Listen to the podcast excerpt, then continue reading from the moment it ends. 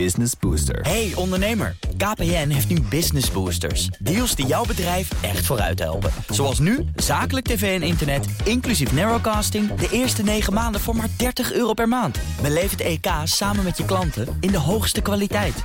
Kijk op kpn.com slash businessbooster. Business Booster. Dit is een podcast van BNR Nieuwsradio. And I want you all to know that we are fighting the fake news. It's fake, phony, That is fake. actually an incorrect statement. Um, yeah, we would call it fake news. Dit is de Fact News podcast, eh, waarin wij proberen de waarheid boven tafel te krijgen... naar aanleiding van artikelen waarbij we soms denken... klopt dat wel of is dat wel zo? En dat proberen we dan te doen aan de hand van feiten... en eh, het lezen van de onderzoeken die vaak niet zo heel goed gelezen worden. En dat doe ik eh, over het algemeen samen met eh, Anne Klapwijk. Goedemiddag. Goedemiddag Frank. Ja, hallo.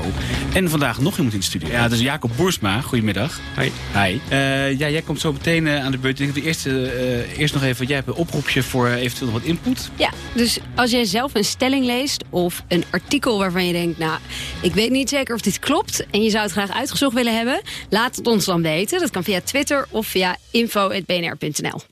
Oh ja, heel goed. Toch? Ja, en op Twitter moet je even at, eh, Frank Leeman. Ja. L-E-M-A-N. Welk onderwerp hebben wij vandaag? We hebben gekeken naar een artikel van de BBC eh, afgelopen maand. Deze maand. Ja, Eh, begin deze maand.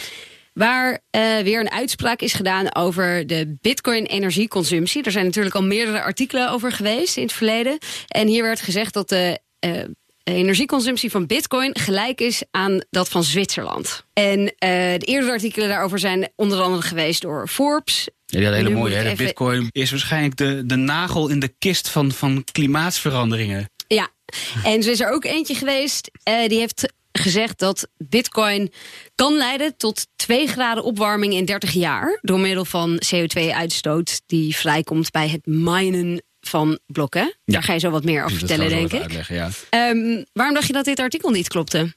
Omdat het wel een hele mooie vergelijking is. Ah, is dat wel zo? En er zijn natuurlijk best wel, er zijn natuurlijk best wel twee kampen wat betreft bitcoin en blockchain. Van, is, het allemaal, is het allemaal zo goed? Of nee, banken zijn beter. Dus ik denk, nou ja, misschien dat het bericht een beetje komt uit de koker van de banken. Want die zijn Wat- natuurlijk allemaal... eh, ten eerste is Ja. het piramidespel, hè, dat bitcoin. Ten tweede eh, wordt alleen John de Mol en Marco Borsato er rijker van, geloof ik. En voor de rest iedereen armer. en ehm, ja, dus ik had zoiets van, nou ja, is het dan, klopt dit dan wel helemaal? Ja. Dat is veel energie dat is natuurlijk duidelijk. Maar is het zoveel, nou, daar ging, me- ging ik even, dacht ik van, is het wel zo? En Jij? wie was de schrijver daar dan van? Was dat ook een soort pro-bitcoiner? Of was dat nog een beetje een eh, respectabele source die dat... eh, Nou, BBC is natuurlijk in ieder geval, in ieder geval wel een bron waarvan je denkt, nou, die hebben in ieder geval misschien wel even gekeken naar wie het geschreven heeft. Mag ik Ehm, hopen, ja. Mag ik hopen, ja. Dat is vaak ook niet zo natuurlijk. Ehm, eh, maar goed, hier is natuurlijk ook, weer een rap- rapport onder, eigenlijk een tweetal rapporten. En één daarvan is net nieuw. Eh, en die hebben, eh, dat is, daar zullen we het zo ook nog even over hebben. Maar goed, het is ook wel leuk dat het online staat, dat, dat is interactief. Dus je denkt van, nou ja, want heel vaak hebben wij het over die rapporten. En dan zitten daar allemaal aannames in. En dan zitten ja, die aannames kloppen allemaal niet. En hier kan je een aantal van die aannames kan je een beetje veranderen. En dan kan je zien wat het doet met de uitkomst. En dat is, vind ik in ieder geval al wel erg...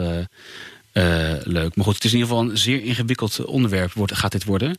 Ja. Blockchain en munten en eh, rapporten en dat soort van gedoe. Dus, Gelukkig eh, hebben we er een expert bij vandaag. Gelukkig hebben we een Die mag het expert, allemaal bij. uitleggen. Ja. ja, wat we moeten ik eerst eens uit gaan leggen. Dat is natuurlijk altijd de ellende met dit onderwerp. Waarom Bitcoin überhaupt stroom eh, gebruikt. Ja, Jacob, misschien nog ja. even een korte introductie, want dat zijn we vergeten. Ja, heel goed. Eh, is dat Jacob een bitcoin- en blockchain-expert bij Deloitte is? Eh, ja dat klopt. Eh, en ik ben ook al bezig met, eh, met bitcoin en, en advisering eh, rondom blockchain sinds 2011. Eh, dus een paar jaar nadat, eh, nadat bitcoin begonnen was. Was energieverbruik toen ook al zo'n issue? Ehm, in het begin niet, omdat je eh, in de- in de begindagen kon je gewoon je eigen computertjes thuis nog gebruiken om, eh, om bitcoin te minen.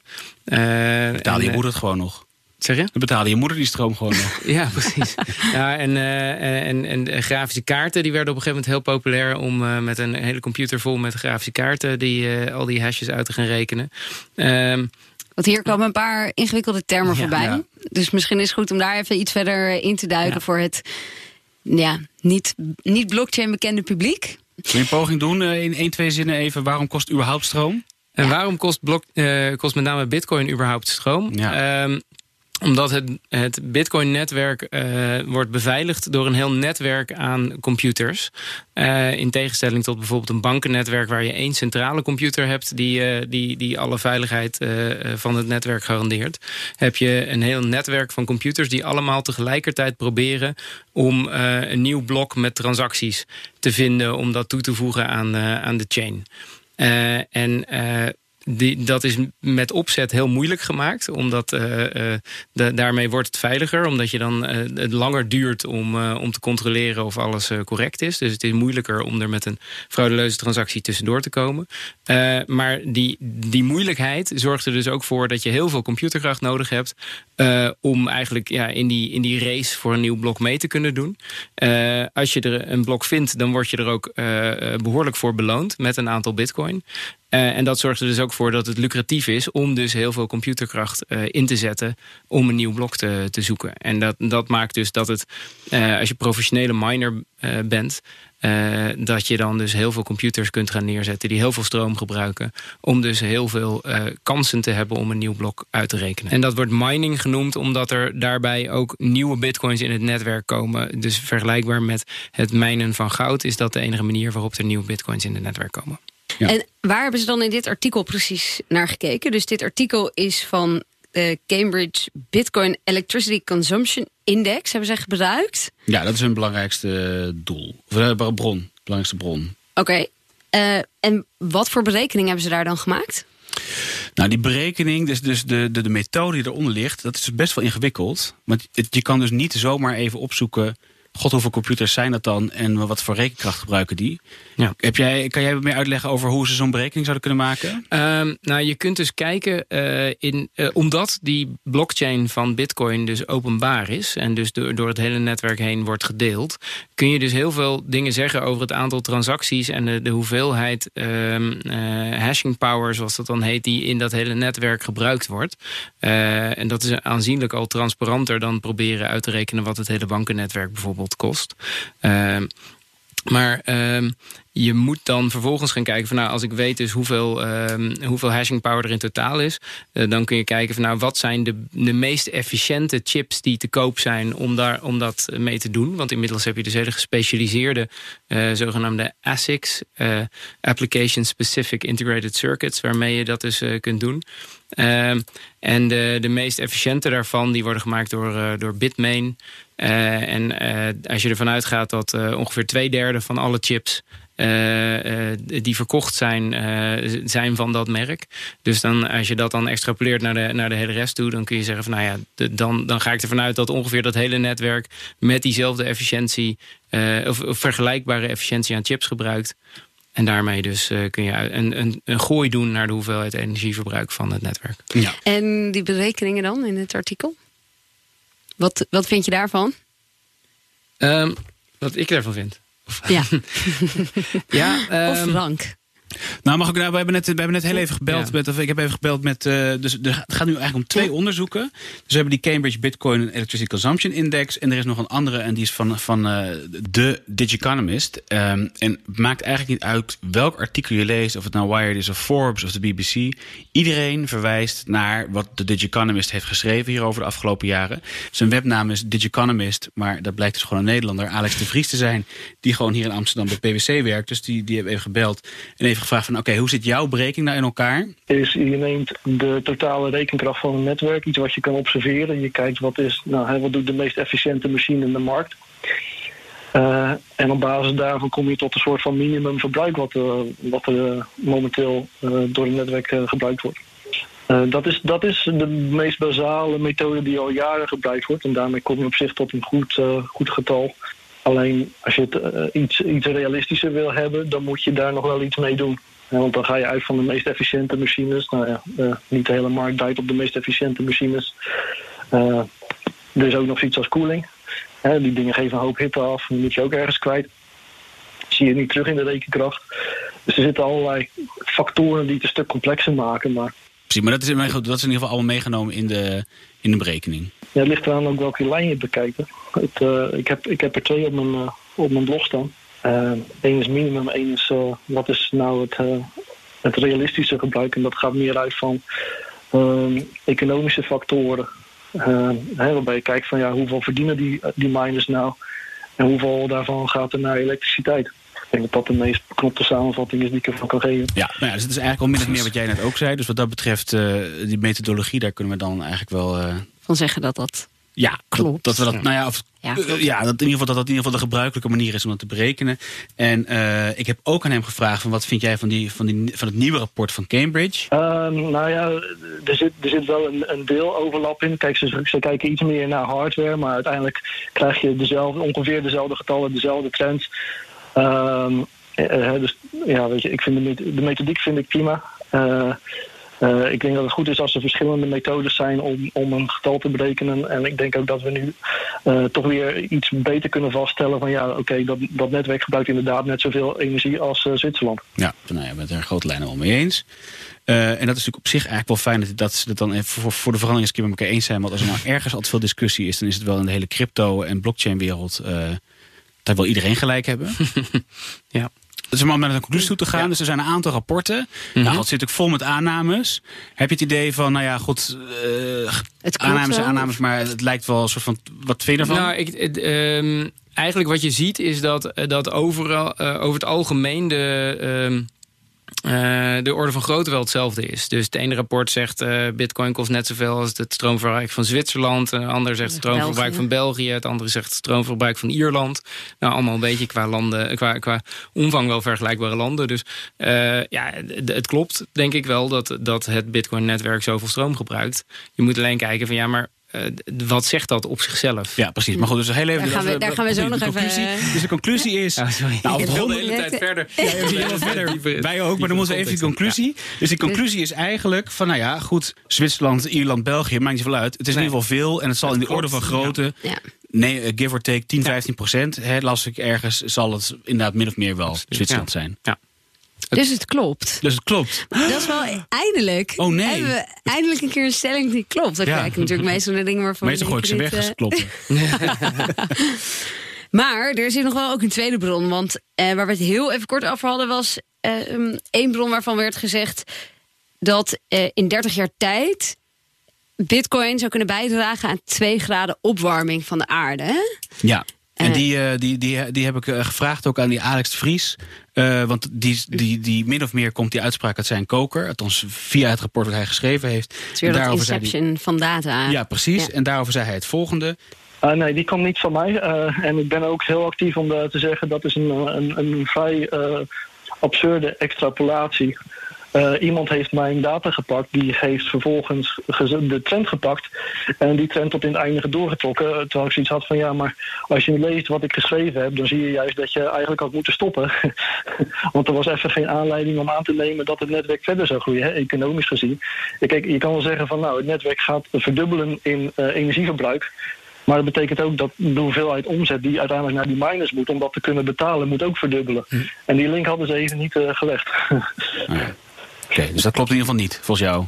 Of dat is in ieder geval een niet valide claim, zeg maar? De, de, laat ik het zo zeggen, er is momenteel niets wat de aanleiding geeft om dat te denken. Er is wel ruimte om, voor dat netwerk om op te groeien, maar niet uh, te, tot die extreme opvang. Het is zeer beperkt eigenlijk. Nou ja, precies. Dus nou ja, hij zegt dus zelf dat, dat, dat, niet, uh, dat je die berekening niet op die manier mag maken. Nee, en dat uh, neemt dus ook niet mee dat er ontwikkelingen zijn bovenop het netwerk... die er ook voor zorgen dat je meer transacties kan doen... zonder dat het meer energie kost. Ja, ja maar het is natuurlijk heel lastig... omdat er dus allerlei dingen zijn die, met elkaar, uh, die, die, die op elkaar invloed hebben.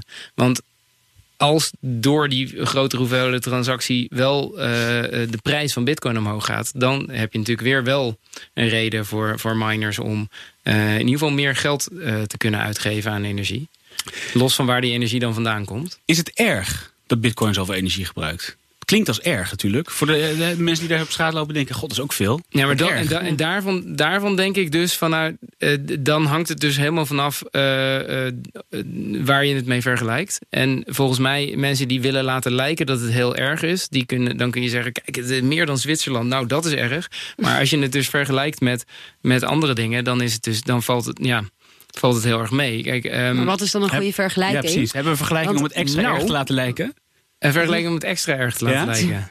lijken. Um, Nou, ik wilde eigenlijk wel andersom Ja, dat gaan. dacht ik al. Want jij werkt bij het blockchain team. Maar ik wil Nee, eerst maar- heel- wa- waardoor het heel erg lijkt. Weet Nou je dat? ja, eh, in vergelijking met Visa. Ja, oké. Dus als je, het- als je het vergelijkt met, eh, met wereldwijde betalingsnetwerken, à la eh, Visa of Mastercard, eh, Visa is dan de grootste, dan eh, ehm, Ja, dan kom je uit op eh 0,01 kilowattuur per transactie voor Visa. En eh, Bitcoin is dat 200. De Visa kan 6800 keer meer transacties per dag dan Bitcoin. En dan gebruikt Bitcoin toch nog steeds 3400 keer meer energie. Terwijl die dus 6400 minder of 6800 keer ja, heel veel meer transacties doet. Dus dat is dan Ja. een vergelijking waardoor je denkt, nou wat een waardeloos apparaat. Ja, en, en dat klopt. In die zin dat eh, zeker op dit moment eh, Bitcoin totaal niet eh, een, een praktische manier is om kleine betalingen te doen. Waar, waar natuurlijk creditcardbetalingen dat, dat juist wel zijn. En sterker nog, daar helemaal op geoptimaliseerd zijn. Ja. Maar is dat Visa-vergelijking überhaupt een goede vergelijking? Want ik bedoel, als je Visa, leuk, maar dan gaat natuurlijk nog steeds mijn euro niet naar jou. Nee, dus voor, eh, voor een Visa-transactie heb je natuurlijk niet alleen het netwerk van Visa nodig, maar ook, eh, ook nog de banken die aan beide uiteinden zitten. En die natuurlijk ook weer eh, systemen hebben en ook weer bankgebouwen en, en een eh, behoorlijk grote carbon footprint. Weet jij hoeveel dat dan bij banken is? Hoeveel die verbruiken? Nou goed, ik las een artikel op Hacker Noon. Die hebben uitgerekend, dus als je alle banken meeneemt en alle branches... en als ze dan ook nog het in de bank eh, aangename temperatuur willen hebben, et cetera, et cetera... die hebben daar heel veel aannames over gedaan. Die komen dan op 100 terawattuur uit eh, per jaar voor normaal bankenverkeer. Dus dan heb je eigenlijk, moet je dus het, de, de elektriciteit van Visa optellen bij dat van het totale bankennetwerk. Want als ik zeg maar van mijzelf een paar euro wil overmaken naar een vriend in Hongkong... dan heb ik natuurlijk mijn bank hier nodig en mijn bank daar en wat tussenliggende banken. Eh, dus die moet je dan eigenlijk wel meerekenen. En dan nemen ze daarin natuurlijk eigenlijk nog niet eens mee... wat het bijvoorbeeld kost om cash te drukken. En het transport van cash, dat hoort daar natuurlijk eigenlijk ook bij bij dat systeem. Ja. Maar goed, dus de Ja, 100... het is 100 natuurlijk ook best Laat wel staan, duur. laat staan om muntgeld, dat is ja, helemaal het is duur. natuurlijk vreselijk. Dus de 100 terawattuur, en ik las ergens, had iemand 200 terawattuur, dus laten we het gemiddelde nemen. Dus 150 terawattuur, nou ja goed, ehm eh, waar was dat bitcoin nou op? 60 zo'n beetje. Maar goed, het lijkt natuurlijk wel op dat bitcoin er naartoe gaat, hè, als het door blijft groeien. Ja, maar dan gebruik je dus een Lightning-netwerk. En dan kost het je niet heel veel meer energie. Nou ja, dan, Want je kan Precies, dus zijn er- enorm veel extra zeggen. transacties zijn er, doen. Zijn er oplossingen? Dus, oké, dus, dus bitcoin gebruikt veel energie. En dan is Mhm. natuurlijk twee... Vraag A is, kan bitcoin minder energie gaan gebruiken? En B, kunnen we ervoor zorgen dat die energie inderdaad eh, geen CO2-uitstoot oplevert? Nou ja, uiteindelijk. opgelost. eh, nou goed, maar uiteindelijk is dus eh, is het in zekere zin een drogredenering. Want als het te veel energie zou zijn, dan is blijkbaar die energie gewoon te goedkoop. Eh, dus, dus eigenlijk geldt in die zin voor, voor eh, Bitcoin hetzelfde als voor alle energieverslindende eh, dingen die we in de wereld doen en waarvan we vinden dat ze slecht zijn voor het milieu. Neem vliegen. Eh, wat is de beste manier om te zorgen dat vliegen efficiënter wordt? Door het duurder te maken. Want dan, dan is in één keer eh, hebben alle betrokken partijen een reden om het, om het veel efficiënter te gaan doen. En datzelfde geldt voor bitcoin mining natuurlijk ook. Als je die elektriciteit in één keer duurder maakt, dan, nou ja, dan, dan moeten dus in eerste instantie meer, meer miners gewoon überhaupt stoppen. En degenen die overblijven, die zijn gedwongen om veel efficiënter te gaan werken. Daar is ook wel nog wel een interessante anekdote. Maar ehm, je hebt natuurlijk wind- en, eh, en zonnestroom. eh, hebben veel meer pieken en dalen dan, eh, dan traditionele eh, elektriciteitscentrales. Dus er zijn momenten, en eh, met name in Duitsland heb je daar heel veel last van, omdat ze daar enorm geïnvesteerd hebben in wind- en zonne-energie. Er zijn momenten dat er gewoon te veel stroom wordt geproduceerd. Ja. En dan, moet, dan wordt de prijs van stroom wordt lokaal negatief. Yes, En- mine. ja, dus precies. Dus ik had het daar laatst over met iemand die in de energiesector werkzaam was. Dan kun je daar dan niet, als je dus eh miningmachines uitvindt die heel snel kunnen worden aangezet. eh, dan is het dus lucratief om te wachten op dat soort momenten dat de stroom eigenlijk gratis wordt. En dan eh, de- gewoon een enorme eh, mining rig te gaan aanzetten. Dat is wel cool.